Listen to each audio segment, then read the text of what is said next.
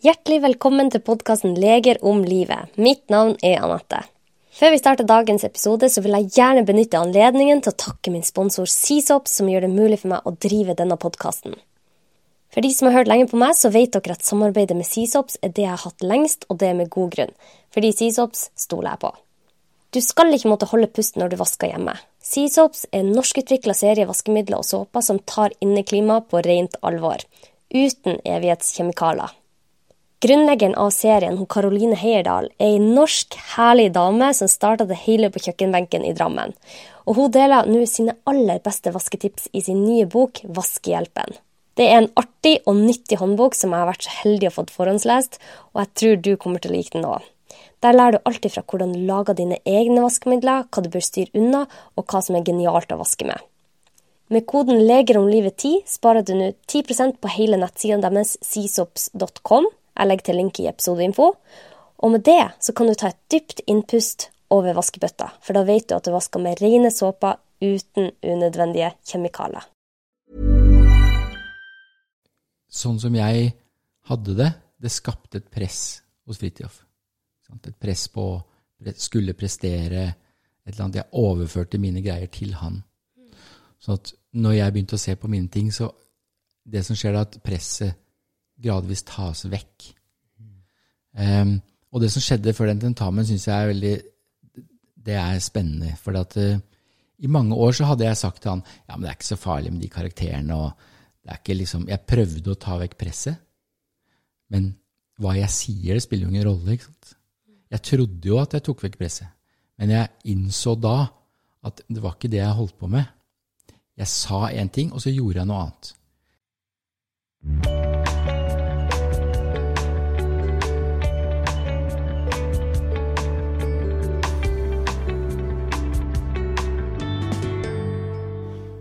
Hjertelig velkommen til podkasten Leger om livet. Mitt navn er Anette, og jeg har laga denne podkasten fordi at jeg ønsker å spre nyttig og god kunnskap om helse, kropp og sinn.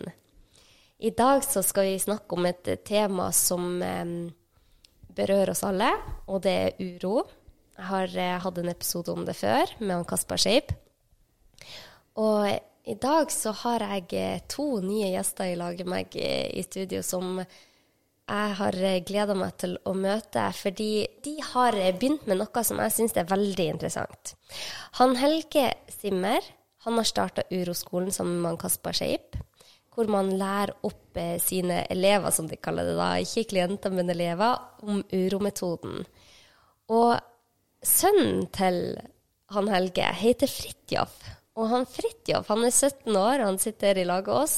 Og, og han Fridtjof han har gått fra to til seks i matte ved å kjenne på uroen og lære seg hvordan man kan håndtere det på kanskje en annen måte. Og eh, han Helge og han Fridtjof har eh, holdt foredrag rundt om i landet på ulike skoler om dette, og hvordan han Fridtjof eh, klarte å, å endre dette presset han følte rundt skolen. Og i dag så skal vi snakke litt om dette, og snakke om uro. Hjertelig velkommen, dere. Tusen takk. Tusen takk. Ja, far og sønn, dere driver en podkast som heter Far og sønn? Ja, det gjør vi. Under Uroskolen. Uroskolen. Den har jeg hørt på i det siste, og det er så fint å høre på dere, for dere snakker så ærlig og åpent om mm. Ja, om forskjellige områder i livet hvor man føler veldig mye uro, da. Mm. Ja, det var det som var det gøy med den podkasten, for vi satt jo i stua, eh, og da pleier vi å ha sånne eh, ettermiddagprater med kaffe og sånn.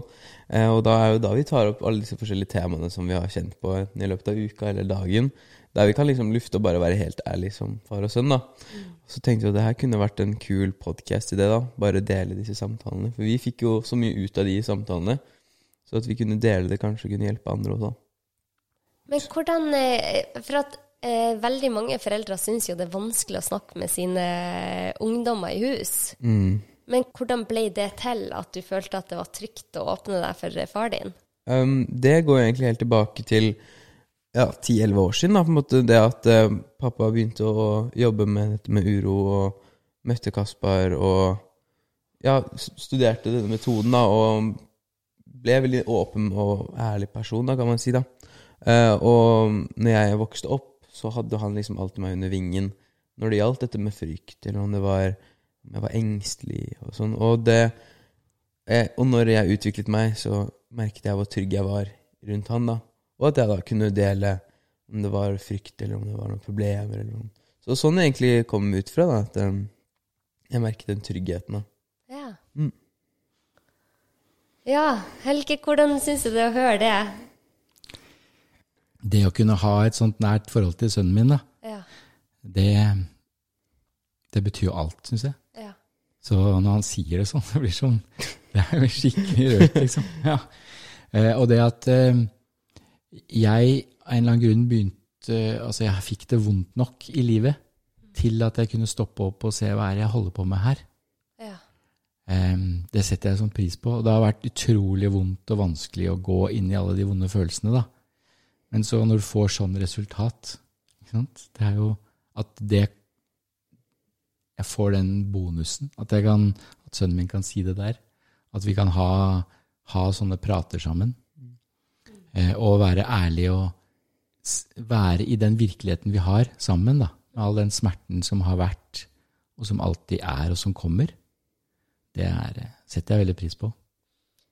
Men eh, dere eh, Det er bare kjenner her, er jo at det er veldig åpent, og det er jo litt rått, ikke sant? At man kan tørre å være ærlig med hverandre. Og det er jo det vi alle lengter etter. ikke sant? Vi lengter etter den nærheten til sønnen vår, eller mora vår, mor si, eller partneren sin. Hvordan, hvordan går man fram for å få et sånt forhold? Ja. Nei, altså det Det handler om å gå inn i den virkeligheten som vi har. Og den virkeligheten, den er veldig ofte smertefull, da, når vi er, vi er mennesker. Og i livet vårt så kommer det masse vonde ting.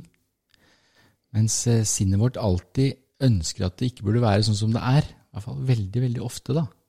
Så sånn, ja, jeg, jeg burde hatt et nære forhold til sønnen min. Jeg burde sånn, Det burde vært hyggelig her. Eh, Det burde vært fint. Det burde vært lett. Det burde ikke oppleve vonde ting. Men faktum er at det er det vi gjør. Så for meg så starta det med å gå inn i de tingene som var vondt for meg, og lære meg å håndtere de tingene. Eh, og sakte, men sikkert så greide jeg å gjøre det, og greide å ha det vondt. Uten å legge det presset over på, på Fridtjof, da, blant annet. For det er det jeg merka når jeg for eksempel var ung, da, eller om vi skulle på ferie, eller alt sånn, da, så er det jo ofte at en forelder har liksom sine tanker om hvordan alt skal være. Egentlig. Når man er foreldre, det skal være bra. Nei, barna må jo være happy. Eh, kan vi ikke gjøre det? Kan vi ikke gjøre samles? Ikke? Og det er jo mange da bare friker helt ut da, og skal lage stå styr ut av det. Men det som pappa sier da i etterkant, at vi kunne ha liksom reflektert over det. Hvordan det har vært for han å være foreldre når, når han har vært stressa, og hvordan det har vært for meg. Så når begge utvikler seg, da vi kunne lufte det da, og være da ærlige, som du sier, som har vært veldig viktig for begge to. da. Når skjedde denne endringa? Eller har det alltid vært sånn? Du, du snakker om at du hadde det vanskelig i livet ditt i en Mm. eh, periode. Ja, altså Jeg havna inn i dette her for tolv år siden, kanskje. Eh, og da hadde jeg det vanskelig med min ekskone, da. Eller med min kone da. Ja. Moren til Fridtjof. Eh, som man ofte får, da, med småbarn og hektiske liv og sånn. Det var veldig vanskelig. Og så kom jeg til Kaspar og begynte å se på mine ting. Eh, og det hadde jo ikke noe med henne å gjøre, ikke sant. Det hadde, og heller ikke noe med Fridtjof å gjøre. Det var mine ting, det. ja. Det var, Jeg hadde vokst opp uten far, eh, og det trodde jeg at jeg, var helt, at jeg hadde helt kontroll på det der. Men når jeg begynte å se på det, så var det jo veldig veldig masse smerte som jeg måtte se på. Og nærme meg faren min og se på alle de tingene der. Og masse andre ting som jeg møtte i mitt ekteskap, eh, og som jeg møtte som far. At det var mange ting hos meg da, som jeg måtte se på. Um, så, at- så det, det begynte da, og så er det en lang prosess. Det er så mange ting som jeg måtte se på.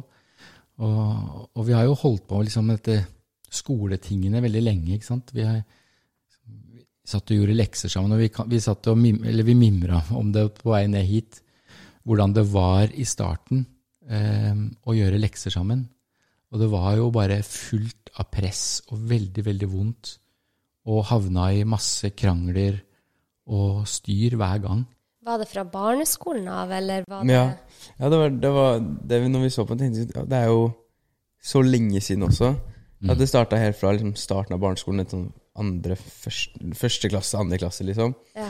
Og det at eh, vi da blir kjent med de mønstrene som vi har da når vi er Enten når jeg blir stressa eller pappa ikke føler han klarer å forklare meg matte. Sånn da. Og da vi kunne se på alle de mønstrene helt fra starten av. Ja. Og så har det jo Det har jo gått helt ut til uh, Når var det vi Så det var jo utenfor hele barneskolen. Um, Du syns det var vanskelig ja. alltid in- under, uh, under leksetida? Syns du òg det var vanskelig på selve skolen? Um, det var jo sånn at jeg trivdes veldig med skole, egentlig. Ja. Um, jeg syntes matte var gøy når jeg fikk det til, uh, og jeg følte jeg kunne mestre det. da. Men det var alltid, helt siden starten av barneskolen, da, at jeg, det derre presset når jeg har enten en prøve foran meg eller en lekse for meg, så at jeg må prestere, da. Eh, og det satt skikkelig dypt i meg. da. Det var liksom Ja, det var helt forferdelig, da. Det var noe Det var det var, det var, det var, det var Jeg var skikkelig engstelig da når jeg skulle gjøre det. Ja. Og det var da når jeg kom til pappa da og skulle få hjelp av han, så var det ikke så mye hjelp å få der, da. Fordi han hadde jo også sine mønstre da når vi gjorde det matten, så vi bare Begge bare dobla opp, så det ble bare helt For han ble òg stressa og følte det presset. Han ville så godt for Ja, deg og ville at du skulle klare dette. Og så kanskje følte du litt på det der med at du gjorde noe galt siden han var så stressa for det, eller? Altså, vi, vi, vi havna bare i et sånt veldig, veldig press sammen rundt de, matteleksene, spesielt matteleksene. Ja. Og jeg er, var veld, altså jeg er god i matte, og jeg har forklart matte til så mange mennesker. Så jeg, liksom, det, det er piece of cake. Jeg skal lære han matte, liksom. Det er ikke noe stress. Og så kom han hjem, og så skjønte han ikke når jeg forklarte. Eh, og jeg, liksom, jeg ble sint. Så jeg ble veldig, veldig sint, og jeg husker liksom, jeg husker vi slo i bordet, jeg husker vi knakk blyanter. Altså det var eh, ordentlig dårlig stemning, da. Og jeg, følte meg veldig frustrert at jeg ikke greide å forklare han det. Og at han ikke kunne forstå det. liksom, Det er jo så enkelt. ikke sant? At, men vi var under press. Ja. Og når du er under press, så er du liksom i overlevelsesmodus. Du er i fight, flight, freeze. Og da er det ingenting som går inn. Da, da er vi på automatiske mønstre. Og jeg hadde ikke kjangs til å stoppe. Jeg var i fight, liksom. Og han var i freeze, kanskje.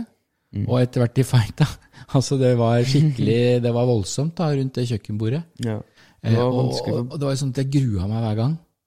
Og samtidig så hadde jeg et håp at ja, men i, dag skal jeg få det til. Liksom. Nå, skal jeg, nå skal jeg være rolig. Men det, det skjedde jo ikke det. Jeg hadde jo ikke kjangs. Det, det var veldig vanskelig for begge to, da. Og at uh, vi begge havnet i et sånt mønster vi ikke klarte å styre. Jeg ble, jeg ble skikkelig deppa, jeg ble sur. Jeg på pappa for at han skulle klikke på meg. Jeg var en liten kid som ikke kan matte. Men uh, Så det var jo Det var jo skikkelig kjipt, da.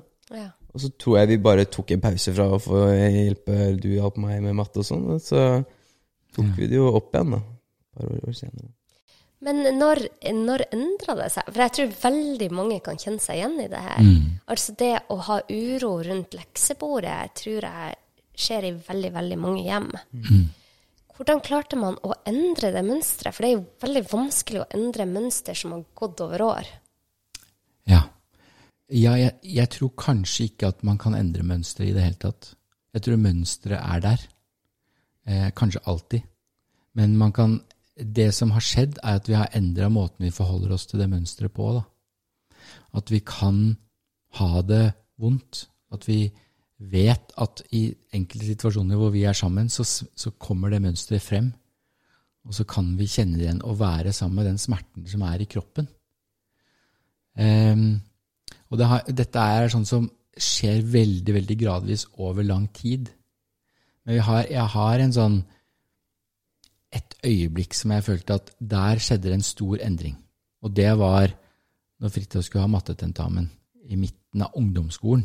Ja. Så det er, liksom, det er mange år her Ja. hvor jeg har jobba med mine ting. Og det, jeg tror det var sant, sånn som Fridtjof sa, at vi måtte ta en pause med det matteopplegget. At jeg måtte se på mine ting, hva jeg holdt på i livet med, med barna mine. Men så kunne jeg sakte, men sikkert begynne med det igjen, da, for at jeg hadde litt mer kontroll på når mønstrene kom, og at jeg kunne håndtere det, den smerten. da. Jeg tror det var det som var brikken, da, fordi som du sa, mønster de endrer seg ikke. Det er jo sånn vi er født. Det er sånn vi reagerer på situasjoner da, som skjer. Eh, når vi gjorde matte, da ble begge sure, eller vi ble frustrerte. Vi visste ikke hva vi skulle gjøre, så vi gikk i fight, eller hva det enn var. Um, og det var det med at pappa kunne da stoppe opp og sånn, okay, hva som skjer, hvordan, med barna og alt der, at da vi kunne endelig bare sette oss ned, og så kan vi lufte mønstrene. For vi, jeg vet ikke hvordan pappa kjenner det inni seg når han blir forbanna, eller når han hjelper meg med leksen. ikke sant? Og samme vet han ikke for meg heller. Så var det med liksom å kunne lufte og være ærlig da, med egentlig hva som skjer når vi begge kommer disse mønstrene. Det var det som egentlig starta den, den, situasjonen da med før mattetentamen. da. Ja, for det, for det som var helt sikkert, var at sånn som jeg hadde det, det skapte et press hos Fridtjof. Et press på å skulle prestere et eller annet. Jeg overførte mine greier til han. Så at når jeg begynte å se på mine ting, så Det som skjer, er at presset gradvis tas vekk. Um, og det som skjedde før den tentamen, syns jeg er veldig Det er spennende. For at uh, i mange år så hadde jeg sagt til han ja, men det er ikke så farlig med de karakterene. og det er ikke liksom, Jeg prøvde å ta vekk presset. Men hva jeg sier, det spiller jo ingen rolle. ikke sant? Jeg trodde jo at jeg tok vekk presset, men jeg innså da at det var ikke det jeg holdt på med. Jeg sa én ting, og så gjorde jeg noe annet. Jeg, hver gang han kom hjem, så spurte jeg om karakterene. Jeg, vi snakka om liksom hvilke skoler han skulle på, hvilke universitet han skulle på, hva som skulle skje i livet. da. At jeg var veldig opptatt Jeg trodde veldig på at måtte, han måtte en eller annen vei som var riktig og viktig, og få seg en god jobb og alt det der. Og så sa jeg noe annet. Så det var en miskommunikasjon. Mm. Så satt vi der da før den tentamen, og Fridtjof var skikkelig stressa. Sånn. Og umiddelbart så kommer min tanke ja, men du har ikke jobba hardt nok. Du må kommer du her siste kvelden, og liksom, du må forberede deg, og sånn. Alt det der gamle, liksom. Og så av en eller annen grunn så greide jeg bare plutselig å stoppe opp. Og så kunne jeg se at det som var helt sant, var at jeg var redd. Jeg var redd for at han ikke skulle lykkes på mattetentamen. Jeg var redd for at han skulle falle utafor. Jeg var redd for at han ikke skulle komme inn på den skolen han ville. Jeg var redd for at han ikke skulle få jobb. Jeg var, redd. jeg var også redd for at han ikke skulle få penger og måtte bo på gata, sånn som han var redd for. For det var det han egentlig var redd for. For det, det var da vi kunne liksom lufte det, da, som du sier, at pappa kunne bare stoppe opp da, og se på egentlig ja, Kanskje det er jeg som overfører presset, siden jeg er også redd. Og det var da jeg også kunne si hva jeg syntes var vanskelig da, med denne matten. Og det var liksom Hvis jeg ikke gjorde denne matten Hvis jeg ikke gjorde denne tentamen bra nok, da, da, faller livet mitt sammen, liksom. Da mm. blir jeg hjemløs, og ja, da kommer jeg ikke inn på den skolen jeg vil, og da blir jeg mislykka og sånn. Og det presset har jo bygd opp av tid, da. Og at jeg ja, ikke fikk sett på liksom, ja, hva er det som Hvordan kan jeg være med det, da? Og det var da vi kom fram til at ja, men kanskje mattetentamen har noe, har noe mer å gi da, enn bare å lære matte. Eller jobbe med matte. Mm. Ja, det, for det, det, det, var et veldig press der, og vi fant vi kunne snakke sammen. da Vi husker vi satt og gråt sammen der. Mm. Og vi var begge så redde. Det å se sønnen sin ha det vondt, det er bare det, er så vanskelig, da. At jeg ville jo bare hjelpe til. Men sa du det? Var det var det, det som endra det? At du lufta ja. hvordan du hadde det, ikke hvordan du ville at han skulle ha det, men Helt riktig, for jeg, helt automatisk så ville jeg gå inn og fortelle Fridtjof hva han måtte gjøre for å få det bra. Jeg måtte bare øve mer på matten. Men så greide jeg å stoppe opp, og så kunne jeg si Jeg kunne bare logge inn i min egen kropp og si ja, men jeg er redd. Og egentlig så er jeg redd for akkurat det samme som du er redd for. Og at denne situasjonen her på mattetentamen og sånn, den stiller oss bare i en Frykten for at det skal gå dårlig i livet, kommer opp i oss begge to. da. Og så kunne jeg si det, og da kunne jeg kjenne at alt jeg hadde holdt på med, var Det var ikke sant. Jeg spurte om karakterer, jeg, jeg hadde press. Så når vi kunne bare lande der om at ja, det er det vi er redd for Så det var et eller annet som skjedde akkurat da. Mm. Det var en sånn Det var en viktig dag i vårt liv. At vi kunne sitte der og gråte sammen over hvor redde vi var. Begge to, da. Så Og det var da vi landa på det. At kanskje skolen, kanskje mattetentamen, ikke er så viktig. Kanskje det eneste vi kan lære på skolen, er å være under press. For det blir vi i hvert fall satt under på skolen. Og i livet. På jobben. At, så hvis vi kan lære det allerede på skolen, så kan vi ta med oss det resten av livet. For vi kommer til å bli satt under press resten av livet. Så da ble det på en måte en annen vinkling inn på den mattetentamen. Og det var jo eh, det, var det som jeg syntes var så fint da med den praten, at eh, siden jeg var så stressa, og det kommer jo ikke til å endre seg, men å kunne se på det fra et annet vinkel, på en måte, at eh, jeg kan få noe større ut av denne mattentamen, eller det å være på skolen og være under det presset under prøven. Uh, og jeg husker jo når jeg hadde mattentamen, jeg, hadde, jeg var jo ikke noe mer forberedt, men jeg var roligere da, for at jeg, jeg ville lære meg heller å være under presset og kjenne etter da, hvordan det er å være meg når jeg gjorde mattentamen. Uh, så da prøvde jeg heller å fokusere mer på det. Da. Det er ikke sikkert at jeg fikk noen bedre eller dårlig karakter av å gjøre det, men det å kunne gå ut av det rommet lettere, og at jeg følte at jeg klarte å være roligere, da. Det var liksom den Det var mye større lærdom enn å kunne mer matte, da. Fordi, ja, som sier, det presset, det kommer igjennom i hele livet, liksom. Og det som skjer da, er at når du får mer ro rundt det, så får man jo kontakt med vår prefrontale cortex. Ikke sant? Man får kontakt med den delen av hjernen som er rasjonell, og som klarer å tenke kreativt, og som, klarer, som er deg, da. Men når man er i den fight, flight or freeze, så er man jo redd. Man tror det er noe farlig på ferde. Det er jo en helt biologisk mekanisme vi alle har i oss. Og det å klare å liksom bryte ut av det og si ok, vet du hva, jeg er faktisk trygg. Jeg er redd fordi at jeg er, jeg er redd for at jeg ikke klarer den eksamen. Men dette er et mønster jeg går i, og bare ja, få komme til ressursene sine. Det er jo det vi alle ønsker oss. Men det er jo det som er så vanskelig. Ja, det er vanskelig, for når du er i fight, flight, freeze, så er du i et reaktivt mønster som går helt automatisk. Eh, Og du kan ikke stoppe med det. Du kan ikke bestemme deg for at nå skal jeg ikke bli redd. For du blir redd. Eh, Så veien her, den går gjennom den frykten. Det å virkelig akseptere at jeg er redd. Og kjenne til hvordan den frykten er i kroppen, som en følelse. Og ikke oppi hodet som en frykt for at det skal gå galt, men som en frykt som er her akkurat nå, som sitter i brystet eller magen eller et eller annet sted i kroppen. Og la den få plass, og la den få tid, og virkelig akseptere Se om man kan akseptere den. For det helt automatisk så er vi mot den. Vi vil ikke være redde. Eh, vi vil ikke være skamfulle fordi vi ikke får til matten. For at det trigger veldig mange dype følelser i oss. Og det eneste vi vil, er at det ikke skal være sånn. Så det er et ganske stort steg å si ja, men jeg vil ha det sånn. Så at når Fridtjof kunne gå på den mattetentamen og si jeg går på mattetentamen for jeg skal kjenne på hvordan det er å være redd, så går han offensivt inn i den følelsen Ja. og lar matte være matte, og sier at men det er det jeg skal lære. Det er mitt fokus.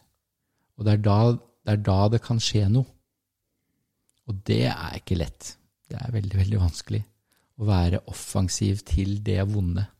For man er jo helt eh, automatisk veldig imot de følelsene. Vi vil ikke kjenne de, så vi gjør alt i vår makt for å slippe å kjenne det. Og så blir det Så skjer det bare det samme igjen og igjen og igjen. Men hvordan skal man tørre å gå inn i det og faktisk kjenne på det? For det er jo kjempevanskelig, og jeg øver meg jo stadig vekk selv. Ja, ja, men sånn med den der eh, med matten og sånn, da. Jeg fikk jo bare den matte veggen, som jeg kalte det. Da bare, da bare slo hele hodet sitt av, liksom. Eh, Og jeg følte at da var jeg helt elendig.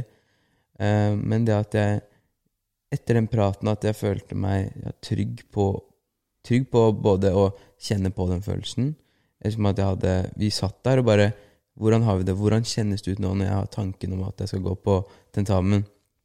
Og da var jeg skikkelig stressa, men jeg hadde lyst til å prøve noe nytt. da. Og det er jo akkurat som i alle andre frykter jeg har, det å gå offensivt inn, eller mot frykten. da. Det, er, det er jo det som er det skumleste. ikke sant? Eksempelvis når, jeg hadde, når jeg hadde vannskrekk, da, det var jo ikke det tanken av å, tanken av å være i vann. Det er skummelt, det òg. Men det når du går mot frykten, og du hopper ut i vannet, og du kan kjenne på gleden etter du har klart å gjøre det, Mm. og den forbedrelsen Eller med matteeksamen. Ok, kanskje det gikk, gikk ikke så greit med matten, da, men nå er jeg rolig. Jeg klarer å være i klasserommet. Jeg klarer å puste. Jeg klarer å kjenne etter hvordan det er å være meg i under mattetentamen. da. Mm. Det er jo det som gjorde at jeg ville og klarte liksom å gå videre mot da frykten. Så jeg tror, jeg tror det er to ting som er viktig når man skal begynne med det her. Ja. Og det ene er at man kanskje trenger litt hjelp. Sånn som Fridtjof Vi, vi, det var godt for oss å være sammen i det. Og si at Virkelig bli enige om at ja, men den matten, den er ikke farlig. Det, det spiller ingen rolle om du stryker på matte. Vi bruker muligheten til å lære om hvordan det er å være under press. Så da har man en støtte. ikke sant? Man har en støttespiller som kan være med, for det er tankene går helt bananas i dette her. Fordi at alt i samfunnet sier at det er veldig viktig hvordan du gjør det på mattetentamen. Så derfor så er det viktig å ha kanskje Man trenger en støtte. Og så tror jeg det andre er å definere noen ting i livet som er vanskelig, og si at ja, det er vanskelig, og det er perfekt. Det, det er perfekt for meg at jeg syns det er vanskelig med matte, for da kan jeg bruke det som en øvingsarena. Og det høres jo helt ko-ko ut for veldig mange, ikke sant? Ja, det er helt perfekt for meg at jeg syns det er så vanskelig å være far. At, eh, at det er viktig for meg. Så istedenfor å drive og korrigere barna mine, at de må være helt eh, perfekte, så kan jeg gå inn i mine ting. Så det spiller ingen rolle hvilket område i livet du jobber med. Om det er forholdet ditt, eller jobben din, eller, eh, ja, eller barna, eller noe som er vanskelig. Men det er bare hvis du definerer én ting, og det kan være en veldig liten ting For eksempel, for meg er det jeg er alltid tidsnok. Og det er fordi at jeg syns det, det er så vondt for meg å komme for seint. Jeg kommer i kontakt med skam og at jeg ikke er bra nok, og masse, masse dype ting. Så da kan jeg øve meg på å komme for seint. Ja, ja, det er helt perfekt. Jeg prøver å komme fem minutter for seint av og til. Ja. Jeg får det ikke til, stort sett. Men jeg, når jeg øver meg på det, så kjenner jeg på de følelsene. At det å eh, identifisere noen områder som er vanskelig, og helt bestemme seg helt offensivt at jeg går den veien. Jeg går mot det. Jeg sier det er perfekt at det er sånn som det er i livet mitt. Da tar man på en måte imot eh, de vanskelige følelsene, og ikke prøver å jobbe. Man prøver ikke å skyve de bort, man, man går gjennom det, på en måte. Ja, for det, for det stort sett i livet så driver vi med å prøve å få vekk det som er vondt. Ja. Det er det vi driver med, det er det sinnet vårt driver med hele tiden. Så det er jo nesten litt sånn umenneskelig å bestemme seg for at jeg skal inn i det som er vondt. Men, men alle vet det er jo liksom, Hvis du skal bli kvitt høydeskrekk, så hjelper det ikke å ikke være i nærheten av en høyde. Du må mot den høyden og kjenne på hvor vondt det er i kroppen. Mm. Hvis du, hvis du går vekk fra alt som du er redd for, så, så blir du mer og mer Da begrenses livet mer og mer. Så hvis man går mot det man er redd for, så får man et større og et rikere liv. Og sånn som du sa, du får tilgang til ressursene dine. Fordi at når du kan, når du kan være redd, så, kom, så kommer du ikke så lett i de reaktive mønstrene, da. Fight, flight og freeze, hvor alt lukkes. For det er vanskelig. Det er skikkelig vanskelig. Og når, dere, når vi har hatt denne samtalen, så kommer det jo minner fra min egen barndom, og hvordan jeg har det rundt eh, leksebordet med min sønn. Og um, jeg, jeg tror at de aller fleste mennesker har kjent på det presset det er å gå på skole. Og jeg husker på min barneskole så Jeg begynte ett år for tidlig på skolen fordi at eh, Ja, det var mange grunner til det. Og, så jeg var alltid minst. Sånn eh, fysisk var jeg alltid den laveste, minste jenta. Eh, men skole var noe jeg mm, jeg likte. Jeg, jeg beherska det, følte jeg. Og eh, på den tida så var det sånn at eh, min lærer ønska at alle skulle være like Være på samme plan på skolen. Ja. Så det jeg ble satt til i seks år, var at jeg måtte alltid sitte attmed en annen gutt i klassen som sleit med skolen. Og jeg var hans ekstralærer i seks år. Så jeg fikk ikke lov å gå videre hvis ikke han klarte å komme seg videre. Og vi satt alltid i lag. Og det skapte jo enorm uro for at ikke bare var jeg minst, sant? jeg var den minste jenta. Det var veldig skamfullt for han. At jeg skulle sitte attmed han og hele tida lære han å bli bedre. Det måtte føltes veldig vondt for han. Men jeg visste jo heller ikke hvordan jeg skulle lære noen andre skole. Jeg var jo et barn selv. Og jeg følte veldig mye skam rundt at jeg ikke klarte å lære han det. Og så ble jeg ofte veldig frustrert og veldig lei meg, husker jeg, når, jeg når vi ikke klarte å komme videre. Eh, og eh, jeg måtte virkelig gå inn i dette mønsteret som jeg ikke jeg hadde tenkt over at det var et mønster før jeg fikk et barn selv som begynte på skolen. Og så satte vi oss ned med leksebordet i første klasse, nå går han i andre klasse. Og så prøvde jeg å forklare han noe, og da kom alle disse minnene tilbake om åh, dette er så utrolig vanskelig, og jeg får ikke til å lære han, og jeg er så mislykka, jeg får aldri til å lære noen. Alle disse tankene mine. Det var ikke min sønns eh, han, han gjorde jo så godt han kunne, men jeg kjente bare på en sånn enorm sorg, nesten, når jeg satt der og lærte han noe han ikke forsto. Og da måtte jeg se på den uroen og måtte kjenne på den når han ikke var til stede. Men jeg måtte tenke over i morgen når jeg skal lære han eh, det å skrive den A-en, så så prøvde jeg å kjenne på det, hvordan det føles å være meg når han ikke fikk det til. Og da fikk jeg følelser om at det var min skyld. Men det er ikke min skyld, og det er ikke hans skyld. Det er sånn det er å mestre og feile.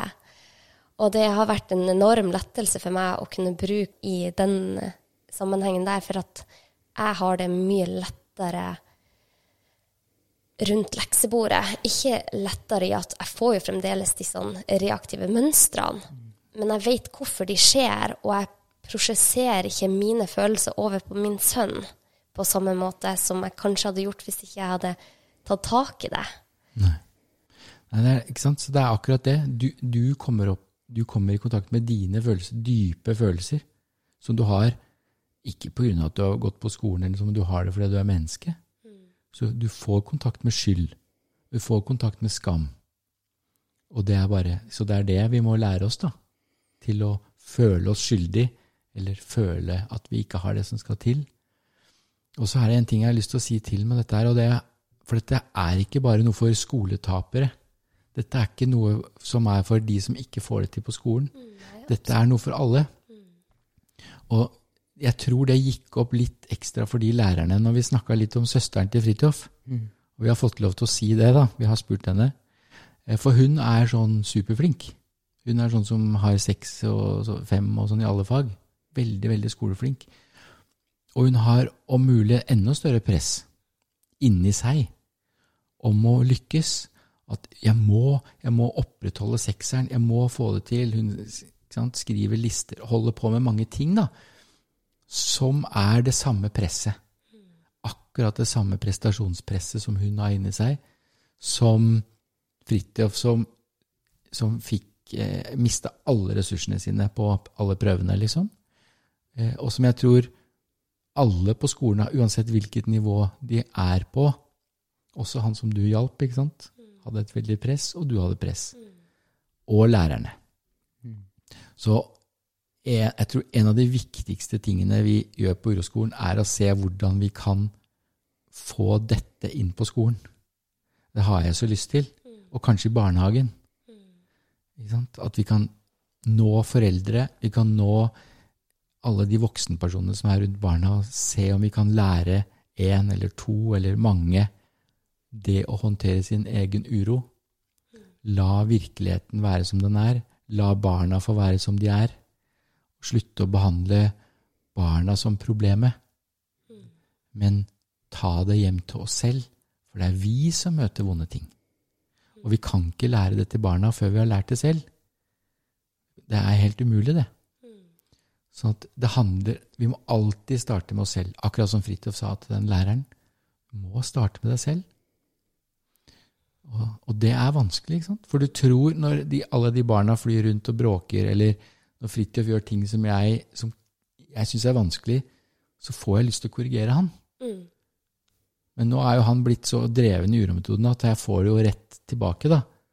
Han sier til meg ja, hvis du syns det er så vanskelig at jeg er ute på kvelden, så får du jo se på det, da. så, så nå har jeg begynt å få det, få det igjen, da. men, men jeg bare hører de sånn tankene bak foreldre som tenker ja, men herregud, jeg kan jo ikke la alt gå over styr her. Jeg kan jo ikke bare la de slutte å, å prøve å øve seg på å bli bedre i matte, f.eks. Eller læreren som tenker ja, men hvis jeg bare kjenner på min uro, så kommer alle de 30 elevene til å fly rundt som noen sånn apekatter. Ja. Eh, hva har det, dere å si til det? Ja. Det er jo det sinnet sier. Alltid. Ja, men hvis jeg skal bare la alt flyte, så kommer jo det til å gå helt åt skogen her. Det kommer ikke til å gå. Det er det sinnet mitt sier. Det er det sinnet vårt sier hele tiden. Eh, men virkeligheten er sånn som den er. Virkeligheten er at det er vanskelig. Og det er press. Og det å se på det, det, det skaper resultater. Du kan jo sant, som et eksempel på det, da, Fridtjof, du kunne jo fortalt litt om hvordan reisen ble etter den tentamen. Mm, altså, vi sleit jo så sinnssykt med matten fra første klasse. Ja. Og dette, den tentamen vi snakker om, var midten av Det var jul i niende klasse, altså akkurat midt i ungdomsskolen. Mm. Og nå er du på vei til å gå ut av skolen. Ja. Hva var det du sa før? Nei, bare hvordan, hvordan, har, mat, hvordan ja, har, det at du ja, ser på den matten, hva har skjedd videre med matten? Så, det var jo det at uh, siden første klasse vi hadde de mønstrene jeg freeza helt, eller jeg ble sur, eller hva det var. Og etter vi fikk sett da på det å egentlig bare være med meg selv når jeg var stressa, eller når det var matte Ja, når, når den matteveggen kom ned, da. Uh, og når jeg kom jo hjem fra den mattentammen, så var jeg jo Jeg vet ikke om du husker om jeg var noe glad. Jeg, jeg tror jeg var ganske happy, i alle fall.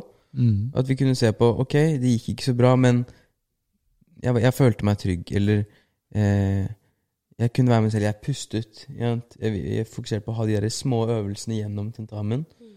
eh, som jeg tok med som ganske lærerikt. da. Og, og, etter hvert da så hadde jeg jo flere prøver. Det var jo ikke siste prøven. Uh, men dette var f.eks. en i KRLE. Uh, da vi skulle skrive en helt vanlig tekst. Det var ikke noe stort. Men jeg som blir veldig fort stressa eller får det presset når det er en prøve og jeg må prestere, så gikk jeg igjen i det samme mønsteret. Og da spurte jeg læreren min unnskyld, kan jeg være snill få mitt eget rom, så jeg kan uh, sitte og kjenne på det jeg kjenner nå. da. Uh, og jeg da fikk mitt eget rom, uh, og jeg kunne bare sitte og puste, fordi det er liksom stressende når du sitter i klasserom rundt med masse andre folk. da.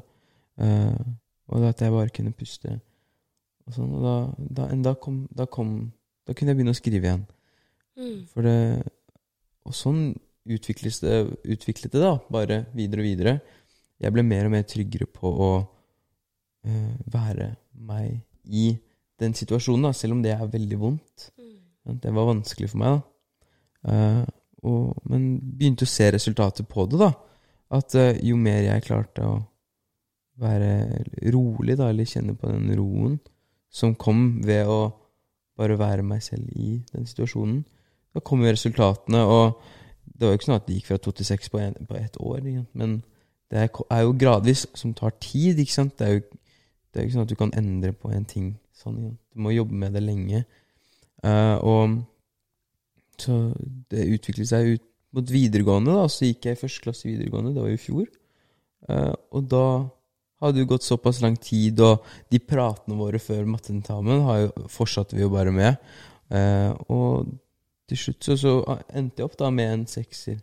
Så fra dårligst karakter med stress og rett og slett helvete, hvis jeg kan si det, på, eh, på prøvedagen, til at jeg kunne da være rolig og kunne nyte, fordi det har alltid vært at jeg har likt matte. Ja. Men det er bare de der prøvedagene og det presset Mm. Som har gjort at alt har bare stengt når jeg skulle gjøre noe, da.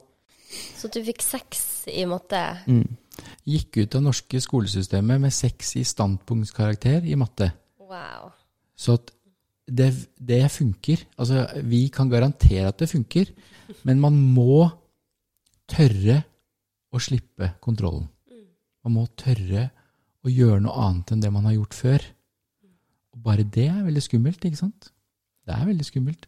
Og jeg det er veldig skummelt. Og det eh, jeg hører her, er jo at man skal ikke det, det motsatte av å gå mot uroen er jo å bare gi opp.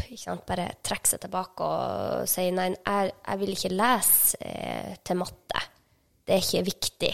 Det er, ikke? Da, man, da trekker man seg tilbake. Og det er ikke det dere sier. Dere sier at man skal jo gå inn i presset og, og kjenne på det og øve på det. Så det handler ikke om at man skal bare slippe unna skole på noe selvs vis. Eh, og det er kanskje det mange foreldre eller lærere er redd for, at hvis man kjenner på dette presset eller kjenner på uroen, så vil alt gå galt med alle barna, og eh, de vil bare gjøre sånn som de vil. Men det er ikke det, er ikke det dere prøver å få fram her. Nei, det er riktig. Det er, eh, vi, jeg tror det er veldig bra med press. Sant? For det gir oss den muligheten.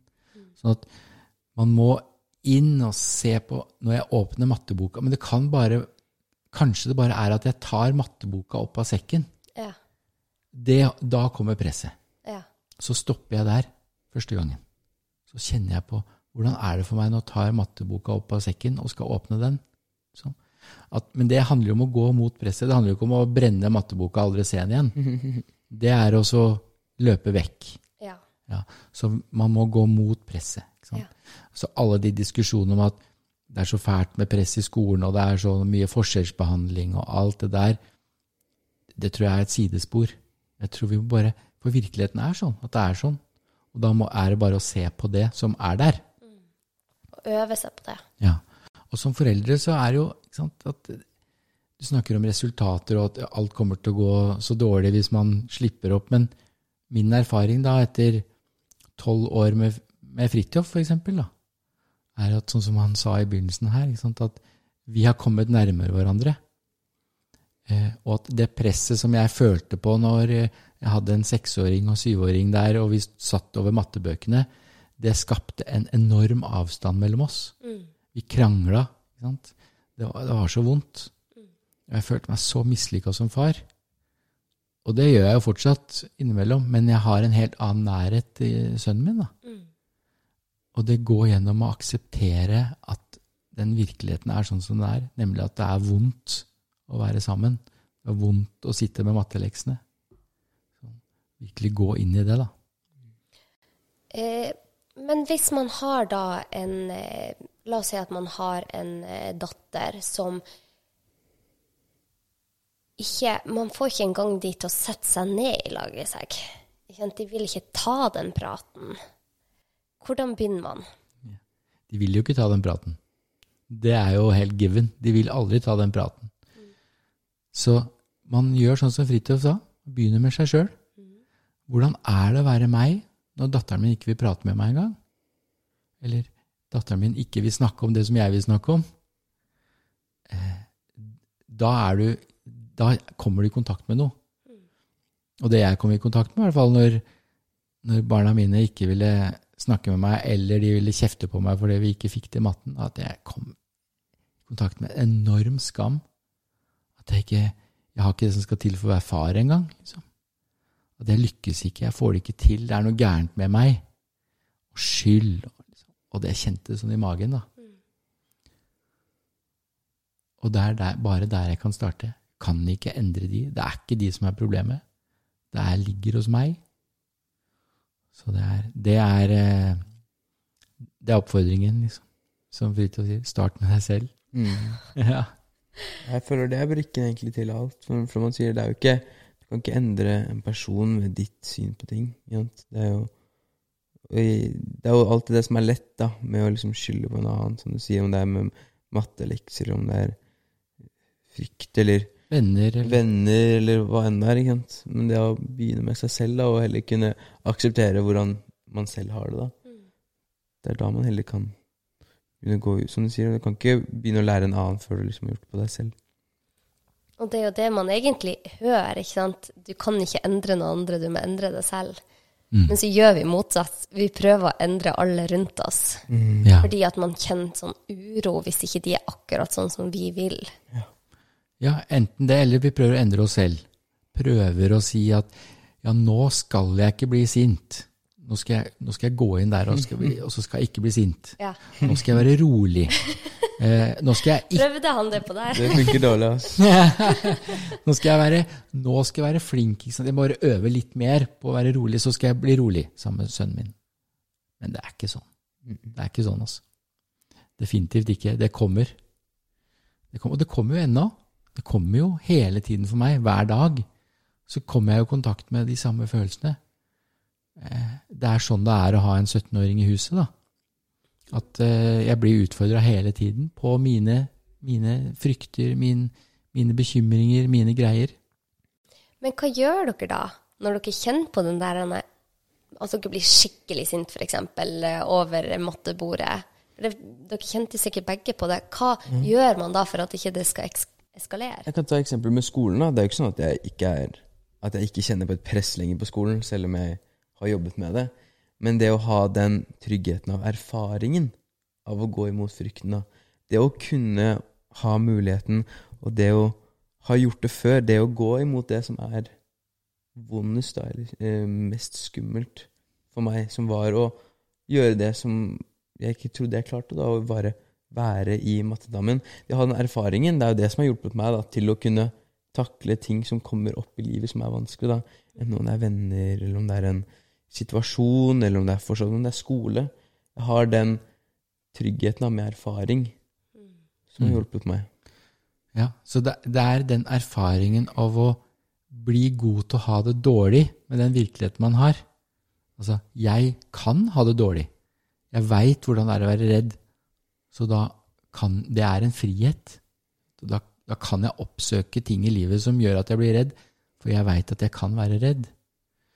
Så jeg blir jo fortsatt redd, og jeg har fortsatt mange ting som dukker opp med skam og skyld i forhold til Fridtjof. Og det beste rådet mitt da er å lukke igjen munnen. Ja. For det snakketøyet det, liksom, det, det prøver å forklare eller prøver å endre på han eller prøve å gjøre noe med situasjonen. Men det som er sant, er at jeg kommer i kontakt med noe som er inni meg. Og for å kjenne på det, det er, da må jeg først finne ut hvor er det hen. Og det, kan, det er vanskelig du, mens du snakker. Så det å være stille og kjenne etter hvor er det jeg har vondt hen nå i kroppen. Hvordan er det i kroppen min? Ofte så kjenner jeg det da i solar plexus. Der er liksom mitt, min kjerne. Der kommer det alltid, liksom. Og når jeg har funnet ut hvor det er, så kan jeg jo øve meg på å være sammen med det. Erfaringen min er at når jeg kan være sammen og akseptere smerten i min egen kropp, så etter en stund så avtar den. Altså, jeg rommer følelsen og, og aksepterer den, og når jeg gjør det, så avtar den, og så kommer ressursene frem. Og da trenger jeg ikke å tenke på hva jeg skal gjøre, da vet jeg hva jeg skal gjøre. På en helt annen måte. Liksom. Da har jeg ro, da har jeg kreativitet, sånn som du snakket om. Da får jeg kontakt med mine menneskelige ressurser, som alltid er der. De er bare blokkert av uroen og smerten. Hmm. Dette er så viktig å få fram, føler jeg. Jeg føler at dette er det er, det er, i oss alle, og man ser det i samfunnet hvor mye uro vi har.